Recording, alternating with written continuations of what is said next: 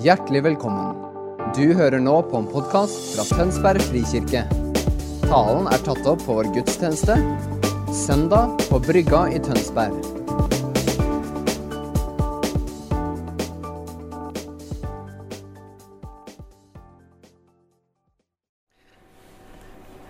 Ja, jeg får si god søndag til dere.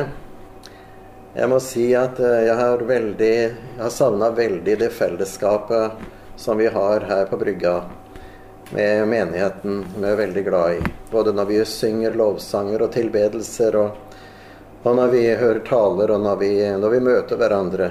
Det er godt. Det har vi ikke nå, men vi skal nok få det igjen. Men vi kan være sammen på denne måten her. Og øh, øh, jeg har lyst til å be litt først, før jeg sier det, det jeg egentlig skal si. Gode Far og Hellige Ånd. Kom, Hellige Ånd.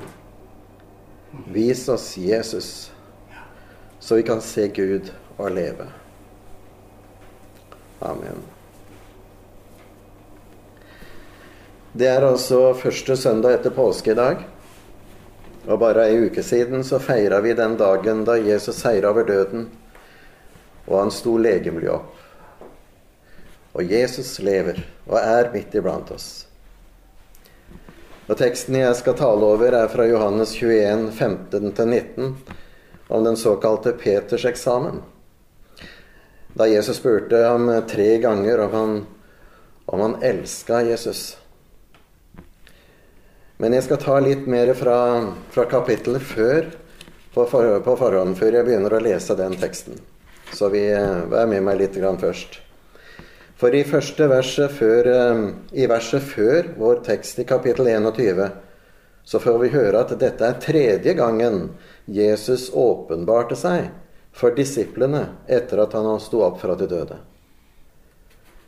Den første gangen, husker vi, det var jo på sjølve oppstandelsesdagen. Dvs. Si, tidlig på morgenen hadde jo Maria Magdalena vært der, og Peter og Johannes hadde vært der. og men for alle disiplene så, så var det litt seinere. For det står på kvelden samme dag, den første dag i uken. Ja, nettopp. Den første dag i uken. Og fra da av har den verdensvide kristne kirke feira nettopp denne dagen som den hellige dagen. Da vi samles til gudstjeneste med tilbedelse og med, med Guds ord, med bønn, med fellesskap, med nattvær. Og vi feirer altså Jesu oppstandelse én dag hver eneste uke. Den dagen som vi kaller søndag. For det var denne dagen det virkelig begynte. Dette var den første dagen. Dette var den første dagen av veldig mange dager og uker og år og tiår og hundre år. Ja, for nå, etter denne første dagen, så er alt gjort klart. Frelsesverket er fullført. Og på denne dagen er den nye tida begynt. Det blei sånn gjennomgri etter gjennomgripende paradigmeskifte for hele menneskeheten nettopp denne dagen. Han lever jo. Virkelig. Bare litt om søndagen. For før var jo søndagen den første dagen i uka på kalenderen her i Norge. Jeg er så gammel at jeg husker jeg var vant til at søndag var første dagen. Og i store deler av verden var det sånn. Men fra 1.1.1973 så bestemte Stortinget at Mandag skulle være den første dagen i uka, og dermed ble jo søndagen den siste. Det var kanskje dette med arbeidsuka som starta med mandagen, som ble det viktigste. For det er jo arbeid og liksom det i denne verden som er det viktigste. Ikke veit jeg hvorfor. Og så må vi jo alle innrette oss etter det. Men for meg er det naturlig å tenke på søndagen som den første dagen sånn som den jødiske kalenderen var. Det var sabbaten den sjuende, og så kom søndagen, oppstandelsesdagen, dagen etter. For vi i Guds rike tror på en levende Jesus, Og derfor vil vi så gjerne begynne hver uke med feiringen av at han lever, og at arbeidsuka begynner med en hviledag. Og denne dagen er til for tilbedelse, og den er avsatt til en dag med konsentrasjon om den treenige Gud. Søndagen, det er en god dag. Men nok om det, om den søndagen akkurat nå. Det er ikke avgjørende. Vi skal ikke være opptatt av dager og tider, sier Paulus. Så det er nå så. Men så kom altså den andre gangen Jesus åpenbarte seg, som det står. Og det er åtte dager seinere. Altså neste søndag. Og det var da Thomas endelig hadde møtt opp sammen med de andre disiplene og fikk en sånn spesialundervisning, eller skal vi kunne si spesialbehandling ved at han fikk se. Han fikk se med fingrene i Jesus sår i hendene. Og han fikk kjenne med handa når han, som han stakk inn i sida på Jesus, der soldaten hadde stikkespydet inn. Og eh, så sier jo Jesus til Thomas i den forbindelse Vær ikke vantro, men troende. Og det tror jeg at han sier til oss uansett, alltid. Vær ikke vantro, men troende. Og så leser vi altså i kapittel 21, som starter med Og siden åpenbarte Jesus seg enda en gang, står det, for disiplene ved Tiberiasjøen. Og det er i det kapittelet vår tekst står. Han åpenbarte seg enda en gang. Vi veit ikke hvor lenge dette var etterpå. Det var kanskje noen dager, kanskje uker eller noen få uker. Men nå hadde på en måte hverdagen kommet inn til disiplene. De hadde opplevd så mye, men sånn er det nå for oss også når, når, eh, når vi har opplevd noe spesielt, noe veldig sterkt, noe, så kommer jo en hverdag etterpå. Og sånn var det for disiplene også. De hadde jo opplevd så veldig mye rart med Jesus. Det hadde starta særlig den uka da, med palmesøndag, med jubel og med Hosianna-rot og barn og voksne som hylla kongen som, som rei inn. Og så kom torsdag, skjærtorsdag, med nattvær som Jesus innstifta, og med en natt hvor soldatene kom og arresterte ham. Og så står det i Markus at da forlot alle ham og flykta. I redsel for sitt eget liv hadde de tatt beina fatt. For nå var det virkelig farlig å være en av Jesu nærmeste venner. Det er noen ganger det er sånn. Og så kom da Jesu død og lidelse på fredag, langfredag, med sorg og fortvilelse. Og etter en dags hvile, holdt jeg på å si, så, så kom jo påskemorgen med en levende Jesus. Hvor de tre, i hvert fall Maria Magdalena og Peter og Johannes, hadde vært der tidlig om morgenen. Men på kvelden så fikk de alle besøke ham, der de redde satt bak eh, stengte dører. Jeg tror de opplevde veldig, et veldig sterkt møte der, både i glede i undring og forvirring, kanskje. Han hadde kommet der, og han hadde kommet med fred. Fred være med dere. Og så hadde han velsigna dem, og så hadde han pusta på dem og sagt, ta imot Den hellige ånd, som en forsmak på det som skulle komme 50 dager seinere. Og kanskje de tenkte nå, når de var i denne situasjonen, etter mange dager og kanskje uker var gått, hva nå? Har vi tatt feil? Vi som trodde at Messias skulle fri oss fra romerne. Men så hadde Jesus vist dem at Guds rike er noe helt annet, noe helt annerledes. Det hadde ikke noe med politikk eller keisere eller landegrenser å gjøre. For mitt rike er ikke av denne verden. Det er et annerledes rike. Et rike som handler om hele verden, og som handler om Jesus om vår Far i himmelen og Den hellige ånd. Men jeg kjenner at jeg tror at usikkerheten var kanskje veldig stor hos dem, denne flokken. Kanskje var det derfor Peter sa til noen av de andre disiplene jeg drar ut og fisker.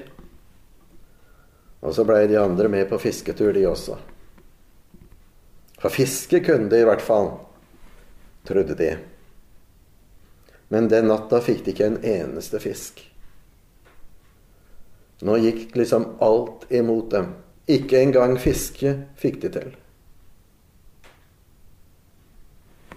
Men på stranda sto det en mann som ba dem om å kaste garnet på den andre sida av båten.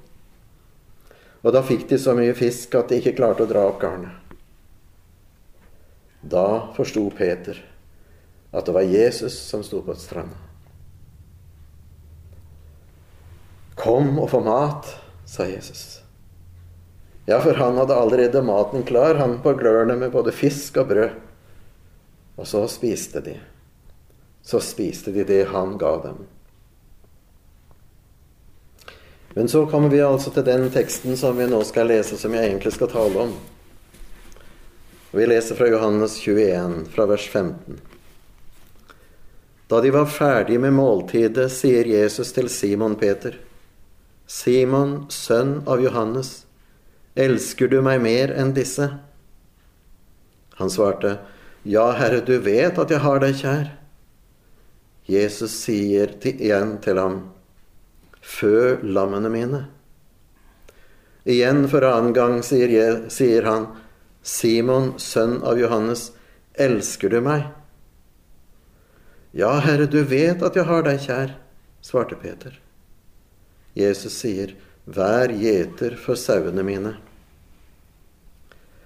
Så sier han for tredje gang, Simon, sønn av Johannes, har du meg kjær?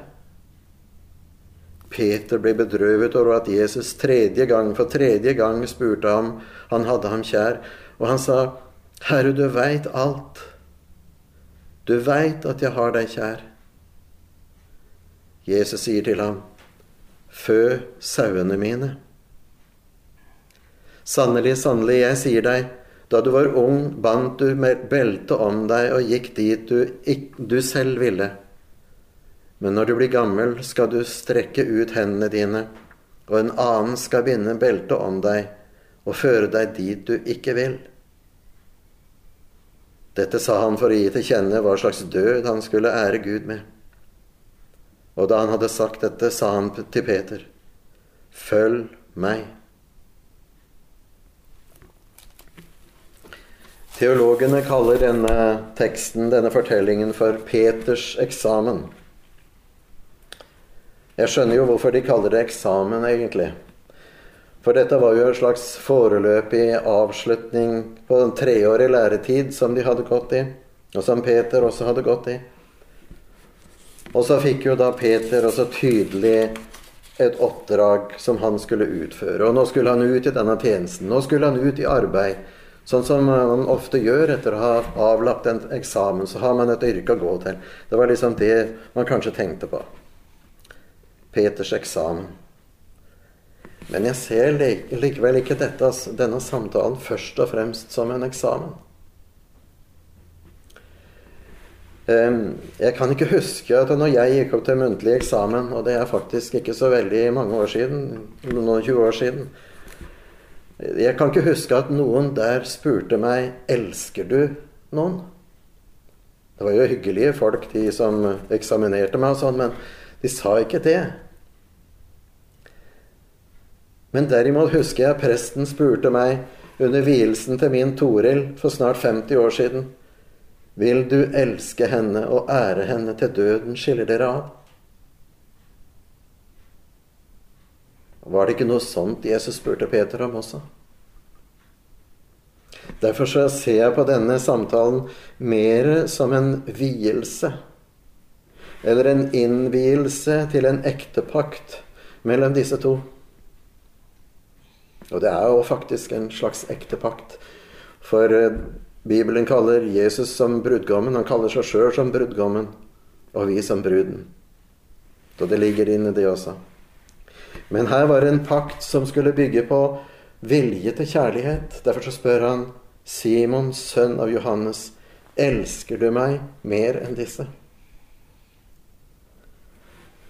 Dette var ikke altså en slags sånn takk for sist, etter Peters tre stygge svik og fornektelser når Jesus sto aleine mot de religiøse maktmenneskene som trodde de forsvarte Gud, og som trodde at de gjorde Guds vilje.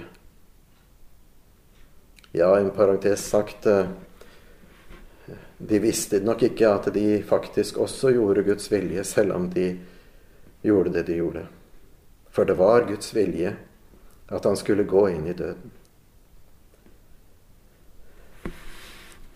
Men dette var ikke en sånn søt hevn fra en som hadde seira over døden, som sto der og triumferte. Fra en som på en måte fikk det siste ordet, og som sier en slags sånn Var det ikke det jeg sa, Peter? Nei, han sa ikke det. For sånn er ikke Gud. Det som hadde skjedd i de siste dagene, hadde jo vist en hel verden for den som ville se sannheten i øya. Og i hvert fall har vi sett det tydelig etterpå. At så høyt elsker Gud verden at han ga sin sønn, den enbårne, for at hver den som tror på ham, ikke skal gå fortapt, men ha evig liv. Vi får heldigvis ikke hjem som fortjent for da ville vi gått fortapt, alle sammen. Alle som en. Gud gir oss ikke det vi fortjener. Nei, vi får nåde og oppreisning for det som var umulig for oss. Det gjorde Gud.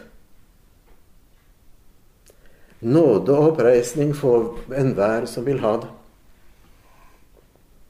så var altså, og så er altså ikke Jesus en hard eksaminator som stiller vanskelige spørsmål til en som veldig godt skjønte at han hadde svikta på det groveste sin aller kjæreste venn.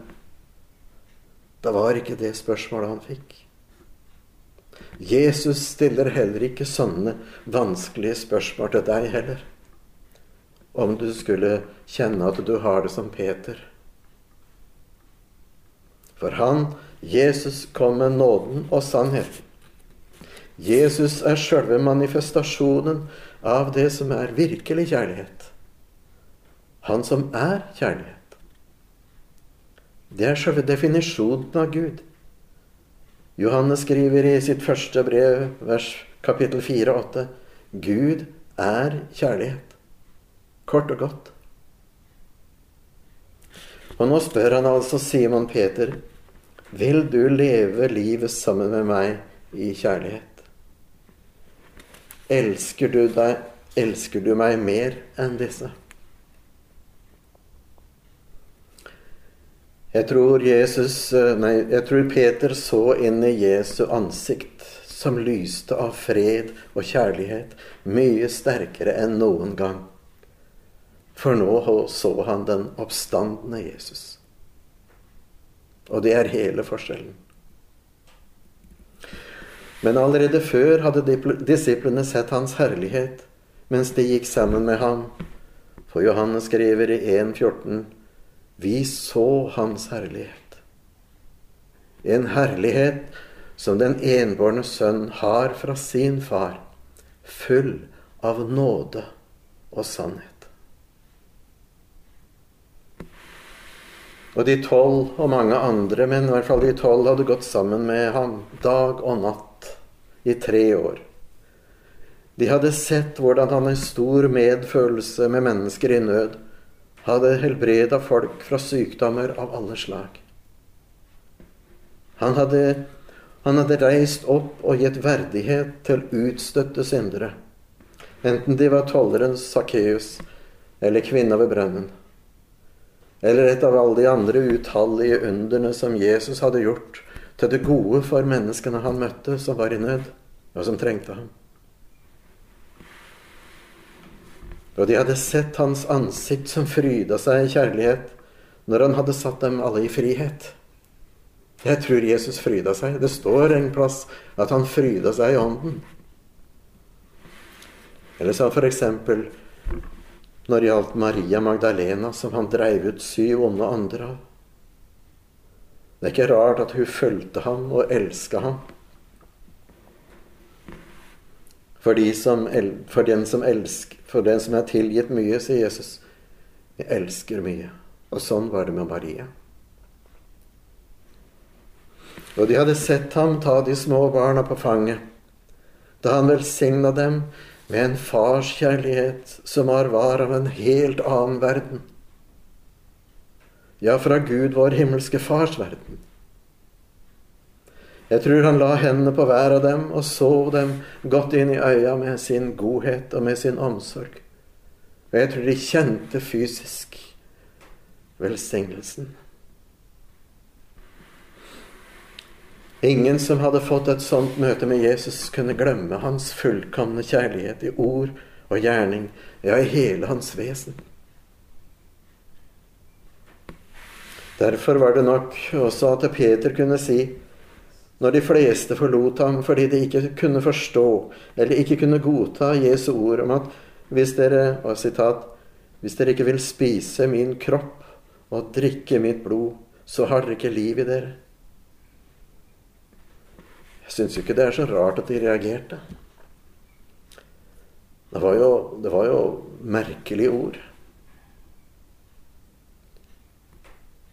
Men sånn er det noen ganger når Gud gjør noe så gjør han noe merkelig, noe vi ikke kan forstå. Som er helt annerledes. Som på en måte er utafor det vi er vant til. Og så gjør Gud det. En gang var det en lattervekkelse. Da Guds ånd løste ut en latter. En annen gang var det en Og seinere var det de falt i ånden. Og folk reagerte og sa 'Dette her stemmer jo ikke'. Men hvem er vi som skal bestemme hva Gud gjør? Og Derfor så sa også Jesus i denne her gangen her Vil også dere gå bort? For de fleste forlot ham. Men Herre, hvem skal vi gå til? For du har de evige livsord. Og vi tror, og vi vet, at du er Guds hellige, sa Peter. De hadde sett hans herlighet. De hadde sett hans lysglans. Og ikke minst at tre av dem, både Peter, Jakob og Johannes, hadde vært med ham på bønnemøtet oppe på fjellet. Og der så de plutselig at han ble forvandla og var i et sterkt lys, og klærne hans var så, som, så hvite som, som hva som helst. Og så talte talte han med Moses og Elia om det som skulle skje dagen etter. Og så får de høre i skya disse tre. De falt på jorda og var redde i frykt. Men så sier han, 'Dette er min sønn, den utvalgte. Hør ham.'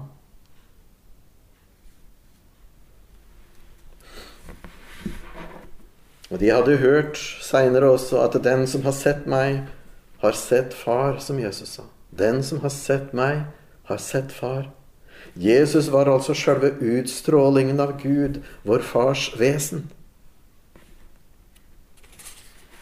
Og nå, etter at de hadde spist der på stranda, så sier altså Jesus til Simon Peter Simon, sønn av Johannes, elsker du meg mer enn disse? Hvorfor sa han Simon, har jeg tenkt. Hvorfor sa han ikke Peter? Du Peter, du Kefas, du sjølve klippen som jeg skal bygge min menighet. Og du som alltid går foran, du som alltid taler for alle de andre. Du som er den store klippen, på en måte. Nei, jeg tror at Jesus ville stille spørsmålet til ham i kraft av den Ikke i kraft, ikke i kraft av den oppgaven eller i en tittel eller i den spesielle posisjonen han hadde fått i Guds rike. Det var ikke det det handla om. Og sånn er det med oss også. Han spør ikke etter hvilken tittel eller posisjon vi har, eller noe annet vi tror vi kan støtte oss til. Og som han kanskje er stolt av. Nei, det handler om det helt personlige forhold. Eller samlivet. Eller kjærlighetslivet. Det intime livet med Frelseren.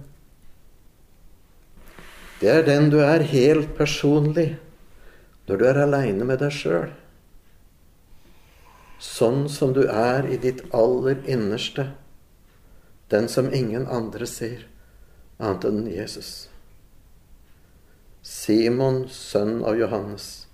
Eller altså Simon Johannessen. Helt enkelt. Ikke mer eller mindre. Du som er sønn av den gamle fiskeren. Jeg tror det er første gangen vi hører at far til Peter heter Johannes. Men Jesus visste det.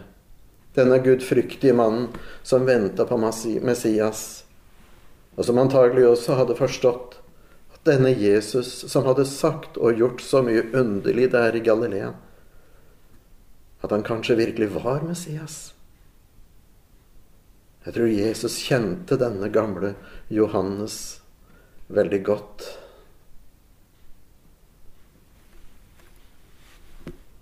Det er som eh, Jesus skulle sagt til meg også. Jeg tror han virkelig gjør det. Du, Ole Jakob, sønn av Hans. Faren min het nemlig Hans. Og Hans er jo en forkortelse av Johannes. Sankt Hans er jo Sankt Johannes. Og Da begynner det å bli nokså gjenkjennelig for meg også. Ole Jakob, elsker du meg mer enn disse? Mer enn du elsker alle andre eller alt annet i denne verden? Og så tenker jeg, når jeg tenker litt på han Johannes, og så tenker jeg på alt det jeg har fått av mine foreldre som levde i tro og tjeneste for Jesus, ja, da er jeg så takknemlig for at de viste meg veien, sannheten og livet. Jeg fikk kjenne kjærligheten de hadde til Jesus. De hadde gitt meg åndelig føde da jeg var en liten gutt hjemme. De var ikke feilfrie, på ingen måte. Men de hadde gjort så godt de kunne. Slik som Simon som sa du veit at jeg har deg kjær, og som fikk oppdraget Fø lammene mine. Simon hadde fått en opplæring av sin far, og han hadde også arva en forventning av Messias, frelserkongen. Og der ved Cesarea Filippi så bekjente han jo at du er Messias, den levende Guds sønn. Også jeg har fått en, en arv, sånn som Simon Peter fra sin far og fra min far, sånn som jeg gjerne vil gi videre. Og i den forbindelse så jeg vil gi en liten sånn personlig detalj som jeg fikk noen tanker om. Jeg eh, fikk nemlig nylig vite litt mer om min farfar. Han heter Jakob. Morfar heter forresten Ole, så da skjønner du navnet mitt. Men Farfar Jakob han døde to år før jeg ble født, så jeg har ikke sett han. Men søskenbarnet mitt Grete fortalte om ham som hun hadde vokst opp med. Og I telefonen så snakka vi, Grete og jeg, om og Jeg fortalte om min favorittsalme i Bibelen, som er Salme 23. Du veit den 'Herren er min hyrde'. Jeg mangler ingenting. Om jeg enn skulle vandre i dødsskyggens dal, frykter jeg ikke for noe vondt. For du er med meg. Din kjepp og din stav, de trøster meg. Og så videre. Ja, så sier Grete til meg Ja, men det var jo også din farfars favorittsalme. Han stadig så siterte han fra Salme 23. Og så tenkte jeg Hvilken arv jeg har fått som ligger i de åndelige genene, som kalles velsignelse. Det er noe som holder, noe som er trygt i alle situasjoner, også den vi er i nå. Fø lammene mine, sa Jesus. Det var det første han sa til Simon. Gi god åndelig mat til barna og den oppvoksende slekt. Så tenker jeg Det er oppdraget. Det er det første oppdraget. Jo, jeg kjenner mer og mer at Herren Jesus er min hyrde, som elsker meg sånn som bare Han kan. Og da har jeg også lyst til å si til Jesus, midt i alle mine feil og mangler Jeg elsker deg, Jesus. Jeg veit du er min. Og jeg veit at jeg er din. Så er ikke det fordi jeg er from eller prektig, for det er jeg absolutt ikke. Men fordi han har åpenbart mer og mer av sin kjærlighet til meg. Og ofte gjennom bibellesning, gjennom bønn og gjennom stillheten. En stillheten hvor den stille tilbedelsen ved Den hellige ånd får lov til å utfolde seg. Når Jesus og jeg er sammen i det intime samlivet med ham, hvor han skaper tilbedelse, fryd, glede, alt, bønner. Jeg unner alle denne stille tilbedelsen. Og den offentlige tilbedelsen når vi har samla som Guds folk, hvor vi kan rope og synge ut. Og prise Hans navn, for Han er vår Gud, eksempel. Vi elsker fordi Han elsket oss først, skriver Johans. Og dette er sjølve hemmeligheten. Det var jo derfor Peter våget å si Du veit alt, jeg har deg kjær, Jesus. Og så sier Jesus noe veldig godt i Johannes 14. Den som elsker meg, skal min far elske. Ja, også jeg skal elske ham og åpenbare meg for ham. Legg merke til han ikke bare elsker oss, men han har lov til å åpenbare seg for oss. Han vil åpenbare sin kjærlighet. Og jeg må si at jeg må fikk et tydelig eksempel på det i et brev jeg fikk nylig fra P22. Det er en sånn organisasjon som jobber på samme måte som Evangeliesenteret. Jeg fikk det Unnskyld. Det var om, eh, om ei yngre dame som hadde fått eh, møte Jesus nå i vår tid. Så siterer jeg. Det var om ateisten og sykepleieren Anita som møtte Jesus på en flytur for noen år, år tilbake. Mens hun sitter og leser en bok og er i sin egen verden, dukker Jesus opp og setter seg på fanget hennes. på fanget hennes. Hun forsto med en gang at det var ham. Øynene var fulle av kjærlighet. Og jeg forsto at han kjente meg tvers igjennom, forteller hun. Hun opplevde at han tok bolig i henne. Og så står det en del til som ikke kan, som ikke er nødvendig å sitere. Men så står det til slutt i det stykket Det hører med til historien at Anita hadde en bestemor som ba for henne. Ja, se det. En bestemor som ga arven videre. Som ba for Anita.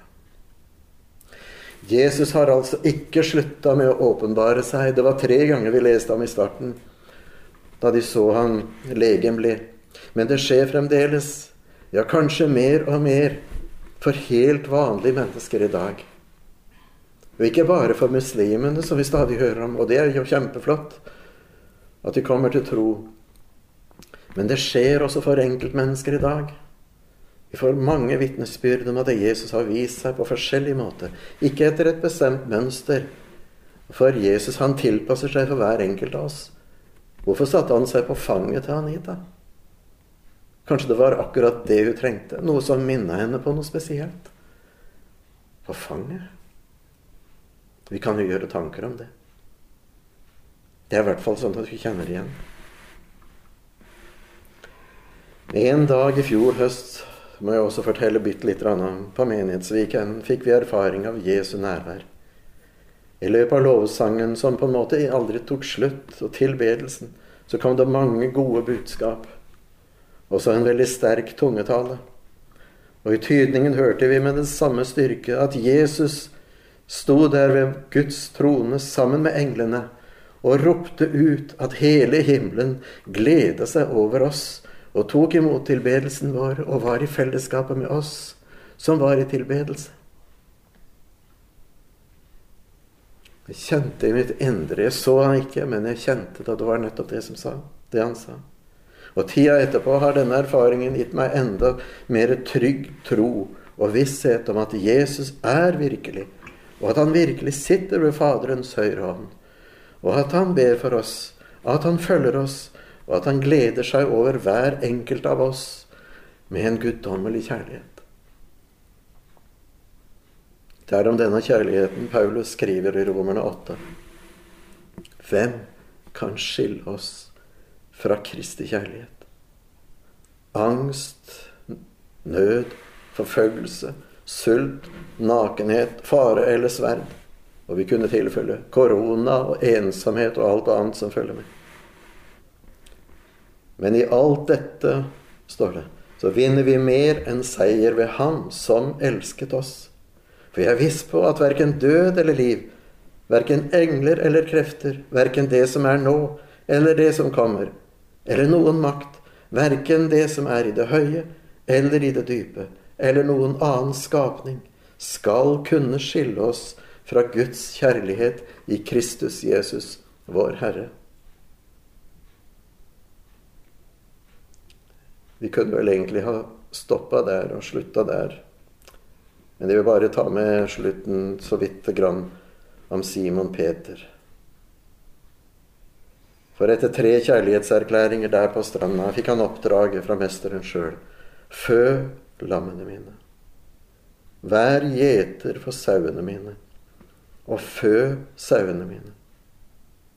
Lammene og sauene, det er jo oss. Vi er hans eiendom, og han vil ikke miste en eneste en av oss. Simon var nå innviet til Jesus i en evig pakt, i en guddommelig ektepakt, der brudgommen tok hele ansvaret. Som Jesus sier, 'Bli i meg, så blir jeg i dere, og dere skal bære frukt.' Frukt som varer. Og Peter skulle nokså snart få oppleve motstand og forfølgelser, sånn som Jesus lovte. Og det får vi også om vi følger Jesus. Men pinsen kom.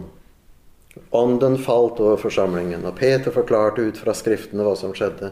Så 3000 ble frelst og døpt den dagen. Og Nå har ikke vi tid til å fortelle alt som skjedde med Peter, alt han fikk oppleve. F.eks. når han ble ført ut av engelen etter at han var fastsatt der i satt, fengsel, satt i fengsel etter at han hadde helbreda denne mannen, han og Johannes. Hvor Peter altså hadde sagt Sølv eller gull har jeg ikke, men det jeg har, vil jeg gi deg. Ta senga di og reis deg opp. Og det gjorde mannen. Hva var det Peter hadde? Han hadde Jesus. Han hadde Jesu allmakt. Han hadde Guds kraft. Så kan du lese i apostelgjengene alle historiene om hva, hva Peter opplevde, hva Paulus opplevde. Og det er spennende lesning. Lykke til. Og Jesus lever fremdeles og inviterer deg også inn til dette, denne ekte pakten med seg sjøl. Han som sier 'følg meg'. Du kan nå etterpå kanskje bare enkelt be og si om du ønsker det. Så kan du si 'Jesus, hvis det er deg, og at dette er sant'. Ja, jeg tror det, du er sannheten. Og nå vil jeg følge deg. Takk for alt du har gjort for meg. Kom inn i mitt liv og åpenbar deg for meg med alt det du er og har. Om du ber en bønn på denne måten eller ellers som har dette innholdet, da har du tatt imot ham, og da er du et Guds barn. Du er Jesu venn. Du har gått inn i det ekteskapet, den ekte pakten, og er Jesu venn eiendom. Du kan be denne bønnen etterpå. Jeg vil be litt nå først, og så har vi bare et par minutter stillhet, så kan du be. Og så lyser jeg velsignelsen til slutt. La oss be. Kjære Far, kjære Jesus, takk for at Du er den du sier å være. Takk for at du lever, Jesus. Takk for at du elsker mer enn vi forstår. Takk for at du ser oss og behandler oss hver enkelt sånn som du vil, sånn som du ser det tjener best for oss. Kom, Hellige Ånd, og vis oss enda mer av hvem du er, Jesus, så vi kan virkelig fryde oss i deg og være trygge på alle måter. Amen.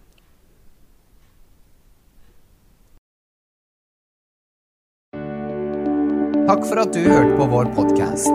Har du spørsmål eller ønsker du å vite mer? Søk oss på vår nettside tonsbergfrikirke.no. Du er også velkommen til kirke på Brygga i Tønsberg.